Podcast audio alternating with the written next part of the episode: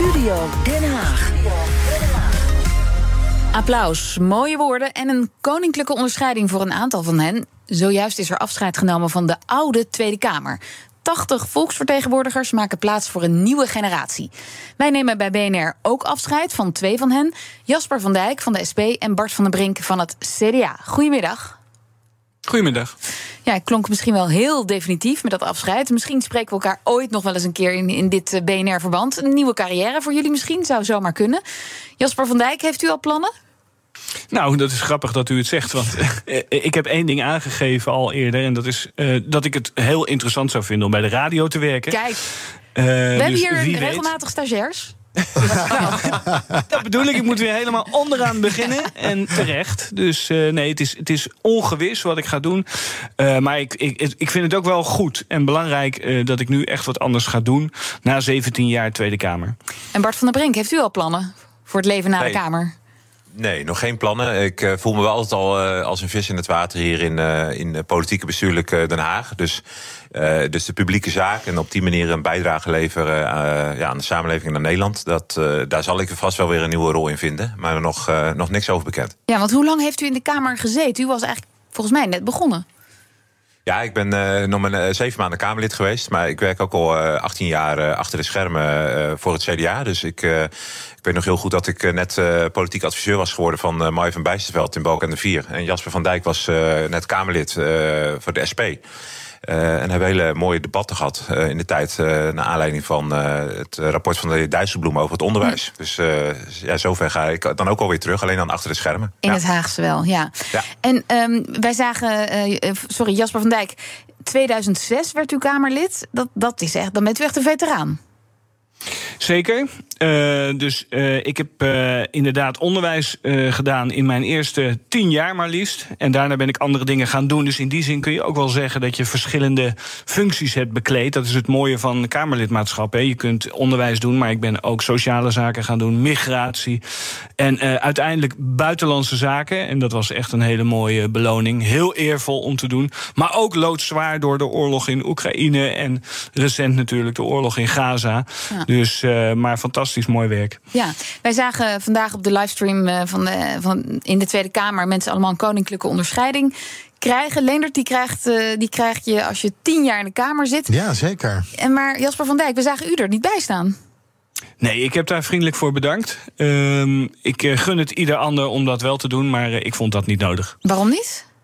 Nou, ik hoef geen koninklijke onderscheiding. Uh, dat past niet bij mij. Uh, ik heb mijn werk gedaan. Ik heb, het, uh, ik heb er heel veel van geleerd. maar zo'n koninklijke onderscheiding, ja, dat voelt toch een beetje als een eitje over je bol of zo. Ehm, en ik ben Verdient niet een dusdanige monarchist. Pardon? Verdient u dat eitje over uw bol niet? U heeft toch hartstikke nee, goed werk gedaan? Nee, nou, daar gaat het niet om. Kijk, dan, dan ben je toch weer een beetje zo'n onderdaan van de koning. En volgens mij zitten we in 2023. Dus eh, misschien dat ik dat eitje over mijn bol eh, in mijn privé-omgeving eh, okay. wel wil. Okay. hopelijk luisteren ze. Voor jullie beiden geldt dat jullie nog wel door wilden gaan als Kamerlid. Maar de verkiezingsuitslag wees anders uit. Jasper van Dijk, u stond op de lijst van de SP op nummer 9. Nou, we weten, de SP haalde vijf zetels. Is dit met pijn in het hart het Kamergebouw verlaten? Nou, om heel eerlijk te zijn, niet. Ik heb afgelopen zomer ook hard nagedacht: moet ik weer nog een ronde gaan doen? Dat zou dan de zesde keer worden. Uh, het was een dubbeltje op zijn kant. Ik heb toen toch gedacht: ja, ik doe het toch. Want het is ook verslavend, het werk. Het is ook fantastisch. Nu weer die formatie. Welke kant gaat het op? Hartstikke spannend. Uh, maar aan de andere kant, je moet ook een keer afscheid nemen, hoe moeilijk dat ook is. En ik kan ook wel een paar dingen noemen die ik zeker niet ga missen. Nou, eentje. Noem maar één. Nou, die, die enorm lange stemmingen met die honderden moties die ja. nergens over gaan, dat is echt spijtig hoor. En ja. ik, ik, ik, steek ook de hand in eigen boezem. Ja, maar want de SP kan ook wel moties indienen. De SP kan er ook wat van, absoluut. Ja. Ik denk dat de hele Tweede Kamer nog eens goed moet, uh, zich moet beraden daarop. Want het instrument motie verliest compleet zijn waarde als we er zo mee doorgaan. Bart van der Brink, u stond uh, op plek 7 voor het CDA. Nou, de partij haalde vier zetels. Um, hoe verlaat u dan de Kamer waar vijf. u nog maar. Sorry, vijf zetels. Hoe verlaat u dan de Kamer waar u uh, nou, nog maar net begonnen was? Nou, voor mij was ook een beetje de, de, de eerste reactie die ik er uh, bij de uitslag had, is toch, uh, en dat komt denk ik ook omdat ik al jarenlang uh, actief ben voor het CDA. Het was eerst oh wat ja, balen voor het CDA, zeg maar. Dus mm. het, eigenlijk eerst voor de club en voor al die vrijwilligers en al die mensen die, waarmee ik hier samenwerk al die jaren. En natuurlijk kwam in de dagen daarna ook wel het persoonlijke. maar voor mij is, ja, was het, ik heb er gewoon echt elke dag van genoten, omdat het namelijk echt nog weer een, ja, een mooiere plek is, dat Kamerlidmaatschap, om direct dingen te veranderen in het, in het leven van mensen. Je kan hier echt het verschil maken. Dus we, we mopperen heel vaak uh, over politiek. Maar dit is echt de plek waar je het verschil uh, ja. in het leven van dus mensen kan maken. Dus doet een beetje pijn. Ja, omdat je natuurlijk, ja, dat als je met, met die ideologie in de hand die ik uh, vanuit het CDA heb, dan wil je echt die dingen veranderen. Ja. Zoals jij denkt, hoe die samenleving uh, ja, beter zou kunnen functioneren. Dus ja, als je, dat, als je dat niet meer kan doen, is dat zeker spijtig. Ja. Leendert, we hoorden je al even. Jij bent ook in de studio Den Haag.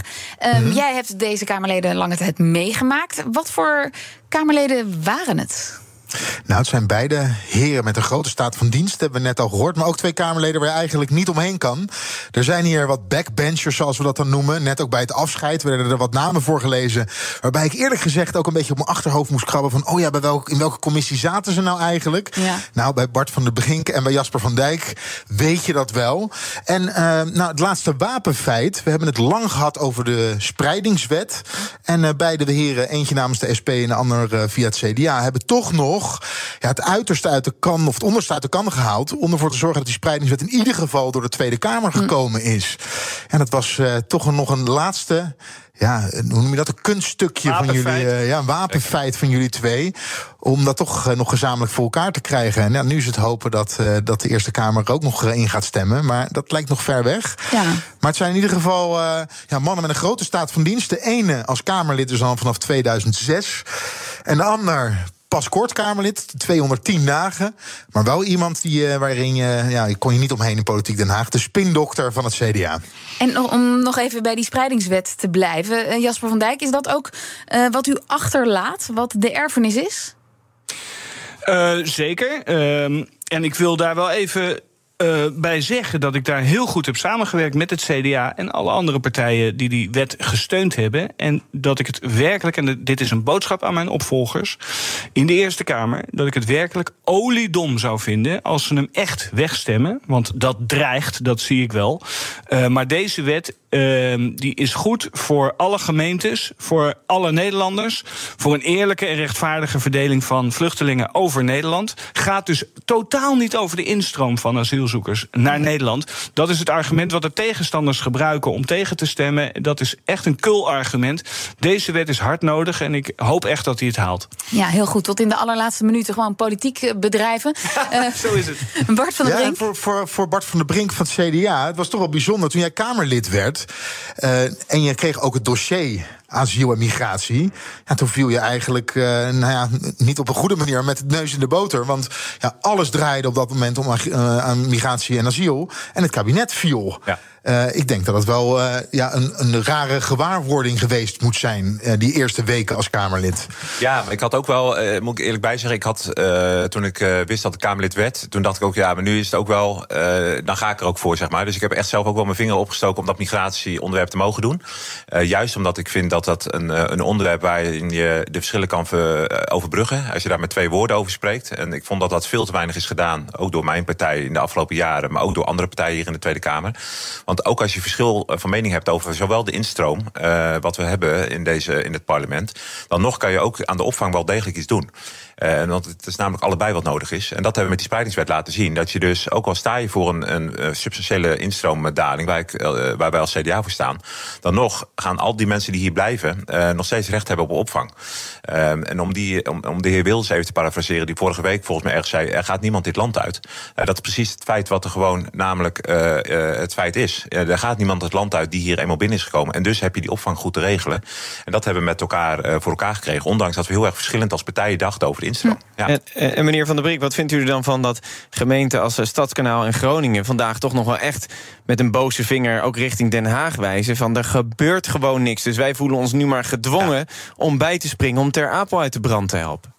Ja, ik vind dat, kijk, uh, de, als je het hebt over solidariteit, dan is het solidariteit uh, tussen gemeentes die al jarenlang niet tot stand wordt gebracht. En iedereen zegt wel, ja, ik snap dat het nodig is, maar even niet bij mij. Ja.